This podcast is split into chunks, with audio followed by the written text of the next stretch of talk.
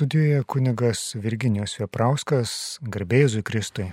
Ir panelė švenčiausiai taip pat malonus Marijos radio klausytojai, o mes einame prie savo tiesioginės temos, pradedam nagrinėti penktąją kanonų teisės kodeksų knygą Bažnyčios laikinosios gerybės. Ir iš eilės 1254 kanonas. Jis turi du paragrafus. Pirmas. Katalikų bažnyčia siekdama savo būdingų tikslų turi prigimtinę teisę, nepriklausydama nuo civilinės valdžios, turėti, administruoti, ir perleisti laikinasias gerybės. Antrasis. Pagrindiniai būdingi tikslai. Dieviškojo kulto tvarkymas, rūpinimasis deramo dvasininkų ir kitų tarnautojų išlaikymo, šventojo apaštalavimo ir meilės darbų, ypač neturtingiesiems vykdymas. Taigi 1254. Pirmajame paragrafe nusakomi bendri principai. Antrajame paragrafe pagrindiniai tikslai. Taigi pirmoji mintis - bendri principai. Bažnyčia turi įgimtą teisę ne kieno nors suteikta, bet įgimta teisė. Ši įgimta teisė turėti, administruoti ir perleisti laikinasis gerybės bažnyčiai nėra suteikta, ji ją turi. Ši teisė besiriša su asmens laisve ir nepriklauso nuo civilinės valdžios norų. Tuo pačiu teikiama pagarba institucijoms ir individams. Tai viena iš pagrindinių teisių į religijos laisvę. Tai įgimta teisė bažnyčioje, bet nesuteikta ir bažnyčia turi teisę vykdyti šituos dalykus. Turėti, administruoti ir perleisti turtą. Tiek kilnojamąjį, tiek nekilnojamąjį turtą. Antra mintis. Pagal 1254 kanoną bažnyčia siekia savo būdingų tikslų realizuoja savo būdingus tikslus. Tai nėra tikslas pats savo, o šitas tikslas turi tarnaujantį pobūdį. Gali mums į pagalbą ateiti 1139 kanonas. E, atsiprašau, ne 1139, bet nuo 1139 metų būta ir klaidų, kai bažnyčioje buvo manoma, kad bažnyčia gali turėti turtų administruoti, perleisti, turėti tik tai tiek, kiek leidžia bažnyčiai civilinė valdžia. Tai buvo diskriminacija ir bažnyčia po trupučiuką iš šitų minčių išeina. Todėl ir bažnyčia konstatuoja, kad tai yra įgimta teisė. Nes keit, keičiantis politiniams įsitikinimams, ats, gali atsirasti potvarkiai, čia ir prancūzų revoliucija ir taip toliau, kada iš bažnyčios buvo atiminėjama absoliučiai viskas ir nacionalizuojama. pasižiūrėkime į 1295 kanoną. 1291-94 normos reikalavimų, su kuriais privalo būti suderinami ir juridinių asmenų statutai, turi būti laikomasi ne vien perleidimo atveju, bet ir sudarant, sudarant bet kokį kitą sandorį, dėl kurio galėtų pablogėti juridinio asmens turtinė būklė. Tai reiškia, bažnyčia neleidžia jokių nacionalizavimų ir turi būti sudarytos sutartys, kad nebūtų e, pagrindas nacionalizavimui. Žinom, pavyzdžiui, ir 1800, ten tais 30, 31, 63, 64 sukilimo metu, kai carinė Rusija ėmė ir uždarinėjo vienuolynus ir išvaikė. Tai ir karmelitai, tai ir kitos vienuolijos, kur atėjo caro potvarkis ir von į gatvę nusivelkat savo abitus, turtas perleidžiamas valstybei arba atiduodamas diecezijai ir vienuolynai uždaromi. Uždaromi. Turto jūs neturite, jūs ne bendruomenė, jūs ne juridinis asmuo, jūs esate niekas. Lygiai tas pats ir praeito amžiaus viduryje pokaris.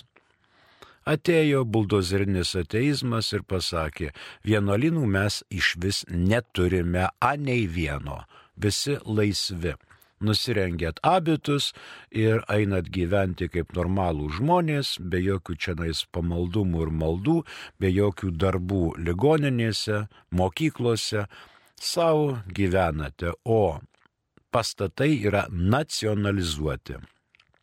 Katalikiškos mokyklos nacionalizuotos, vienuolynai nacionalizuoti, viskų vienuolyjų bažnyčios perimtos valstybės reikmėm. Ir valstybė daro, pavyzdžiui, iš Kauno Švento Jurgio bažnyčios medicinos sandėlį, iš Vilniaus arkikatedros paveikslų galeriją ir taip toliau. Nėra čia ko jų melstis, šitie pastatai, kuriuos statė bažnyčia ir aukotojai religiniam reikmėm, pereina civiliniam potvarkiam. Tai žinoma liūdna buvo. Dabar po trupučiuką atsijiminėjama.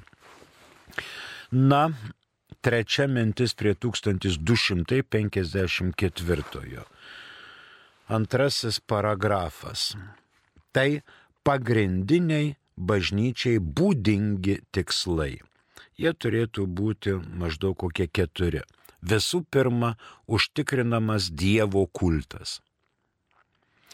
Ar vėjas, ar sniegas, ar lietus, ar skaisti saulutė šviečia, turi būti patalpos. Pastatai. Su stogu, su langais, su durimis, ir ten viduje vyksta Dievo kultas. Kad Dievo kultas nepriklausytų nuo gamtos nelaimių arba dar ko nors, todėl Dievo kultui privalom skirti lėšas ir apsaugai. Signalizacija, apšvietimas, grindų valymas, siurbliavimas, vargonai, zakristijos įranga su arnotais, su bažnytinėm vėliavom, su kamžom ir taip toliau. Viskas, kas eina Dievo kultui. Tai pirmasis tik, tikslas. Antrasis tikslas - užtikrinti dvasininkų padorų išlaikymą. Ir kitų bažnyčios tarnautojų išlaikymą. Varpininkai, zakristijonai, vargonininkai, valytojos, žolės pjovėjai, grebotojai ir taip toliau. Užtikrinti dvasininkų išlaikymą. Ne visi dvasininkai pajėgus patys išsilaikyti, kartais jie susirga, arba tampa neįgalūs ir jiems reikalinga pagalba. Todėl užtikrinti dvasininkų padorų išlaikymą ir e, teikti išlaikymą kitiems bažnytiniams tarnautojams. Trečia mintis prie pagrindinių tikslų - apaštalavimo darbai. Kad gali būti e, apaštalaujama. Skleidžiamas Kristaus mokslas Tuo pačiu vargšų rėmimas, karitatyviniai darbai. Karitatyviniai darbai išeina iš bažnyčios vidaus politikos ir atsigręžia į visus žmonės. Karito darbuotojams nėra skirtumo tarp alkano kataliko vaiko ir alkano musulmono vaiko, ar pravoslavo, ar evangeliko, ar protestanto vaiko maitina visus. Duoda dubenį sriubos visiems. Neklausia, tiki į Dievą, netiki į Dievą, gal tu ateistas esi, bet jeigu tu esi alkanas, prašau, tau yra suteikiamas maistas, suteikiamas rūbas. Na ir ketvirtoji mintis prie tokių pas, tikslų - institucijų išlaikymas. Tai ir šeimos centras, tai ir katechetinis centras, tai ir karitas, tai ir jaunimo sielovada ir taip toliau. Visos institucijos, kurios įkurtos vyskupo toje vyskupijoje, turi teisę būti išlaikomos iš bažnytinių turtų. Tai yra bažnyčios tikslai. Na, galime dar žvilgterėti į 200 22 kanoną. Kristaus tikintieji turi pareigą pasirūpinti bažnyčios poreikiais, kad ji turėtų tai, kas būtina dieviškajam kultui, apaštalavimo bei meilės darbams ir deramam tarnautojų išlaikymui. Tai buvo pirmas. Antras Jie taip pat turi pareigą skatinti socialinį teisingumą ir, atsimindami viešpaties įsakymą, padėti iš savo išteklių vargšams. Aišku, bažnyčia tą ir daro. Iš savo išteklių padeda vargšams. Ir socialinį teisingumą. Pavyzdžiui, Turkija, Sirija drebėjimas, Ukraina karas, mes iš savo išteklių padedame tiems, kurie kenčia, kurie žūsta, kurie miršta, kurie yra nepritekliuje. Kai kas atvažiuoja į kitas šalis, tame tarp ir į Lietuvą, Lietuva juos priglaudžia. Ir kaip girdėjote, 222 Kristaus tikintieji turi pareigą pasirūpinti bažnyčios poreikiais turi pareigą. Todėl daromos ir rinkliavos, kad tikintieji pagal savo išgalės galėtų pasitarnauti. Čia 222 neišlaikomas eiliškumas, bet eiliškumas, kaip girdėjome visų pirma, yra Dievo kultas. Na, šitie tikslai yra ne vieninteliai. Dar galima prie tikslų išskaidyti ir kitus dalykus. Pavyzdžiui, katalikiškų mokyklų steigimas. Kiek pas mus yra čia? E, vien Kauno arkiviskupijoje kokios penkios katalikiškos mokyklos. Toliau, socialiniai reikalai. Bažnyčia padeda ir socialiniams reikalams, jeigu mato nepriteklių. Toliau misijos. Yra iš Lietuvos kunigų dirbančių atokesniuose kraštuose, taip pat remia ir šituos kunigus. Suteikia paramą tose šalyse, kur katalikybė yra silpna ir paremia jų misijinę veiklą. E, taip pat taikos ir teisingumo palaikymas. Tuos, kurie yra skriaudžiami, taip pat reikia palaikyti. Ir jeigu jaučiame, kad teisingumo ilgą laiką nebus, ilgą laiką ir palaikysime. Na, turto kaupimui kaip po tokiam sakome ne. Mums į pagalbą ateina 282 kanonas. 282 kanonas, kuris nepasisako už turto kaupimą. Antrasis paragrafas. Gerybės, gautas vykdant bažnytinę pareigybę, likusias po to, kai jie pasirūpino savo deramo išlaikymu ir visų jų statusui priklausančių pareigų atlikimu, turėtų nuspręsti skirti bažnyčios geroviai ir karitatyviniai veiklai.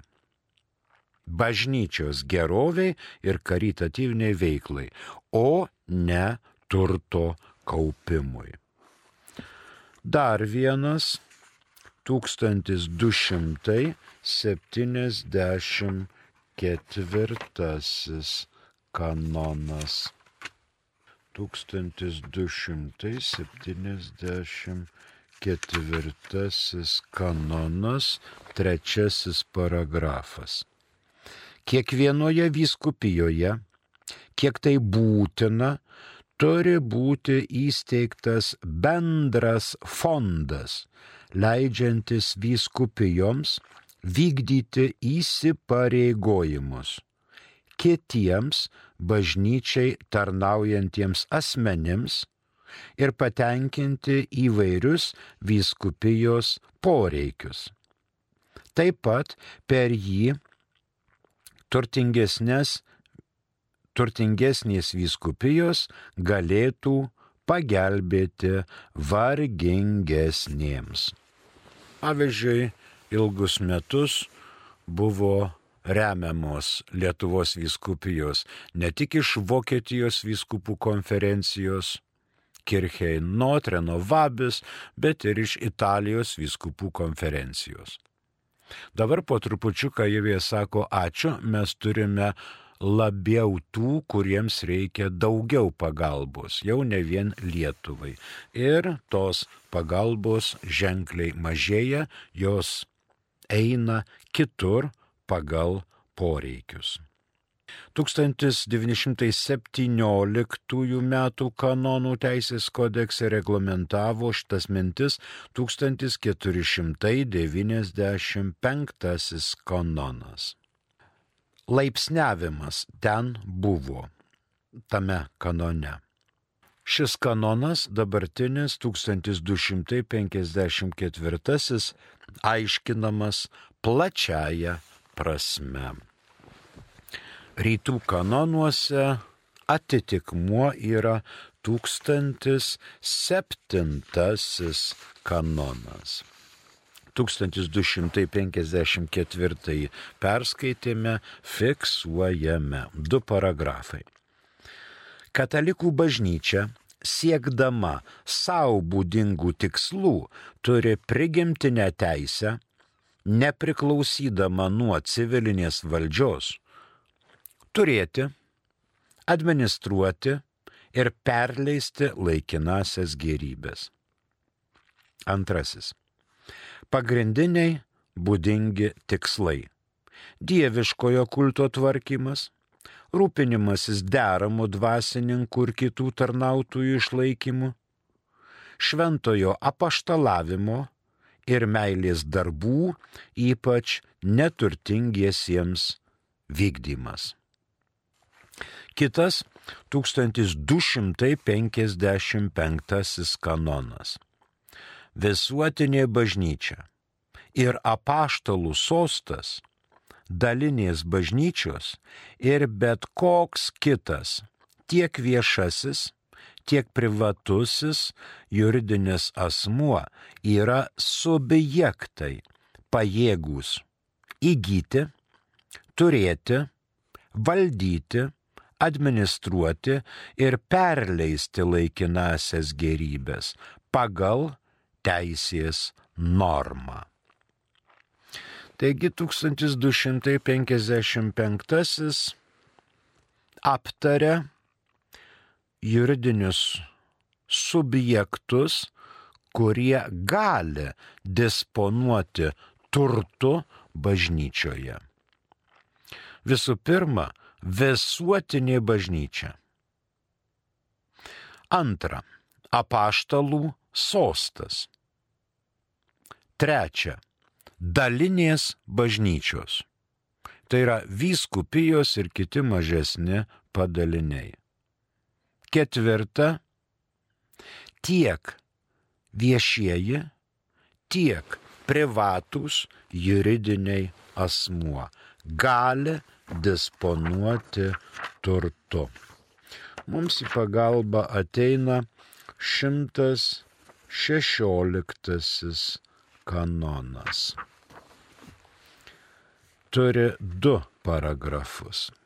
Viešieji juridiniai asmenys yra asmenų arba daiktų susivienijimai, kurie įsteigiami kompetentingos bažnytinės valdžios, kiek jiems skirtoje srityje bažnyčios vardu pagal teisės nuostatas atleidžia, kad jiems skirtoje srityje bažnyčios vardu pagal teisės nuostatas atliktų savo užduotį jiems patikėta, atsižvelgiant į viešąjį gėrį. Kiti juridiniai asmenys yra privatūs. Taigi čia yra padala į viešuosius, juridinius asmenis ir į privačius. Pirmas. Dabar antras. Viešieji juridiniai asmenys šį statusą gauna arba pagal pačią teisę, arba specialiu jį aiškiai suteikiančiu kompetentingos valdžios dekretu. Privatūs juridiniai asmenys šį statusą įgauna tik specialiu kompetentingos valdžios dekretu, kuriame aiškiai suteikiamas šis statusas. Taigi privatūs ir vieši juridiniai asmenys. Kitas mums rūpimas 118. Viešajam juridiniam asmeniui veikdami jo vardu atstovauja tie, kuriems tokią kompetenciją pripažįsta visuotinė arba partikuliarinė teisė arba jų statutai. Privačiam juridiniam asmeniui atstovauja tiems, kuriems ši kompetencija suteikta statutų. Toliau galime žvilgterėti į 361. 361 kanonas. Apaštalų sosto arba šventojo sosto vardu šiame kodekse vadinamas ne tik Romos popiežius, bet taip pat valstybės sekretoriatas viešųjų reikalų taryba ar kitos Romos kurijos įstaigos, nebent pagal dalyko prigimtį ar kontekstą atrodytų kitaip. Dar vienas 368. Dalinės bažnyčios, kuriuose yra ir už kurių susideda viena ir vienintelė katalikų bažnyčia. Visų pirma yra vyskupijos, kurioms, jei nėra nustatyta kitaip, prilyginamos teritorinė prelatūra ir teritorinė abatija. Apaštalinis vikariatas ir apaštalinė prefektūra ir pastoviai įsteigta apaštalinė administratūra. Tai va kas yra dalinė bažnyčia. Visai nesvarbu, ar teisę disponuoti įgyja subjektas pačią teisę, pagal pačią teisę, ar tai šitą teisę pripažino jam kompetentinga valdžia. Tarkim, dekretu. Mums į pagalbą ateina 114 kanono pirmasis paragrafas. Juridiniai asmenys įsteigiami arba pačios teisės nuostata, arba specialiu kompetentingos valdžios leidimu, išreikštų dekretu kaip asmenų ar daiktų susivienijimas, nukreiptas į bažnyčios misiją, atliekantį tikslą, viršijantį atskirų asmenų tikslą. 114 pirmasis paragrafas. 1917 m. kanonų teisės kodekse tą reglamentavo 1495. Privatūs juridiniai asmenys neveikia bažnyčios vardu dėl bendro gėrio, bet dėl asmeninio gėrio ne dėl bendro, bet dėl asmeninio. 116 antrasis paragrafas. Viešieji juridiniai asmenys šį statusą gauna arba pagal pačią teisę, arba specialiu jį aiškiai suteikiančiu kompetentingos valdžios dekretu. Privatūs juridiniai asmenys šį statusą gauna tik specialiu kompetentingos valdžios dekretu, kuriame aiškiai suteikiamas būtent šis statusas. Ir privačiam gėriui savo asmenė, privatus juridiniai asmenys savo gėriui, savo gėriui bendruomenės, dar kieno nors ir privačiam gėriui pagal savus statustus. Mums paskambino, prašom. Gražina iš Marijampolės. Klausom jūsų, ponė. Klausom jūsų, ponė. Garbėsiu Kristi. Per amžius amen. Dėkoju už įsamius atsakymus ir norėčiau paklausti tokį klausimą. Sakykite, ar yra bažnytinis teismas ir ką jis teisė. Ačiū. Ačiū. Popiežiaus yra įsakyta kiekvienoje vyskupijoje turėti bažnytinį teismą. Lietuvoje kiekviena vyskupija turi bažnytinį teismą. Tame tarpe ir Vilkoviškio vyskupija, kuriai priklauso Marijampolės miestas. Dabar ką dažniausiai sprendžia? Dažniausiai bažnytinis teismas sprendžia santuokinės bylas, bet nebūtinai. Kartais ir ginčio bylas, kartais ir turtinės bylas, kartais ir e, kunigų šventimų bylas ir panašiai. Nes bažnyčioje, kaip vėliau matysime, yra ir bausmės nepaklusniems bažnyčios nariams. Tai ne viena apostazija, schizma ir erezija, bet tai yra ir kitos bausmės letės sentencija, ferendės sentencija ir teismai priima sprendimus apie tą ar kitą asmenį, kuris yra nusikaltęs bažnyčiai. Todėl bažnytinis teismas sprendžia ginčius, sprendžia visus klausimus, kurie patenka teismo pirmininkui ant stalo.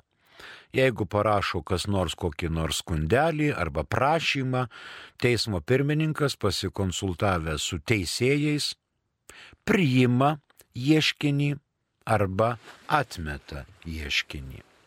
Jeigu priima, prasideda procesas.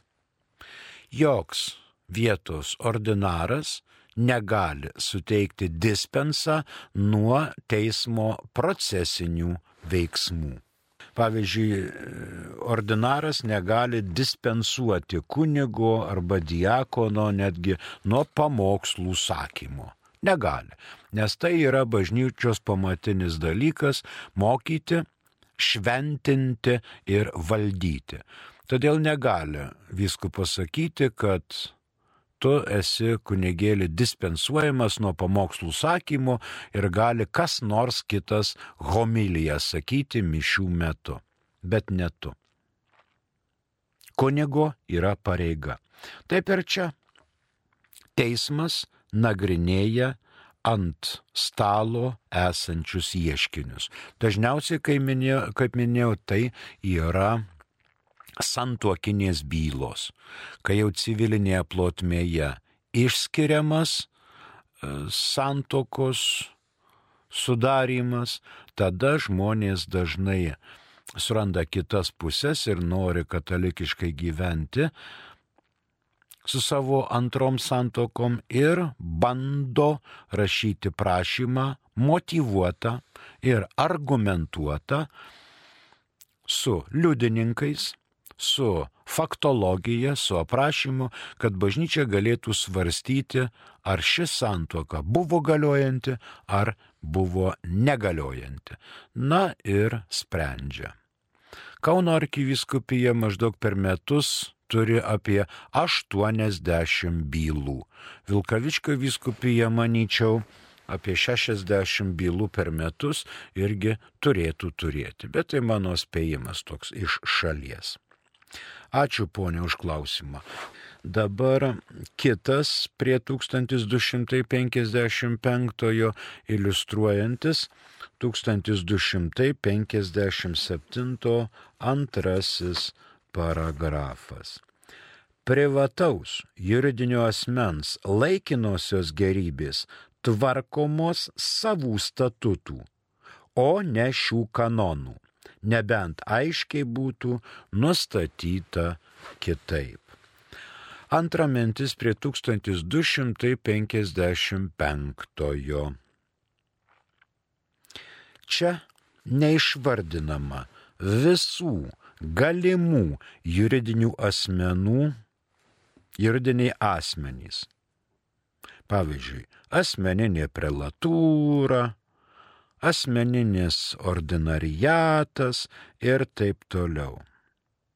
Išimtis šiuo atveju yra privačios draugijos, net ne juridiniai asmenys. Na, pasižiūrėkim, ką mums teigia 300. Dešimtasis kanonas. 310 kanonas. Ką mums teigia? Privati asociacija, kuri nebuvo įsteigta kaip juridinis asmuo, kaip tokia negali būti pareigų ir teisių subjektas tačiau į ją susijungę Kristaus tikintieji gali drauge prisijimti pareigas, įgyti ir turėti teisės bei turtą kaip bendraturčiai ir bendravardžiai. Sviržu, bendravaldžiai. Šias teisės ir pareigas jie gali vykdyti per įgaliotinį arba atstovą. Toliau, žinant, jie veikia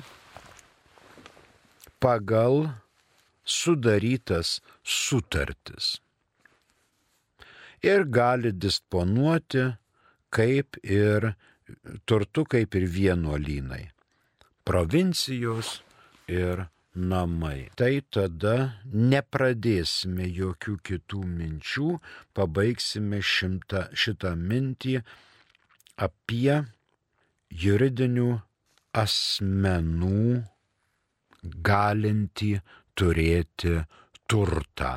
Prie mikrofono dirbo kunigas Virginijus Veprauskas, ačiū ir sudie.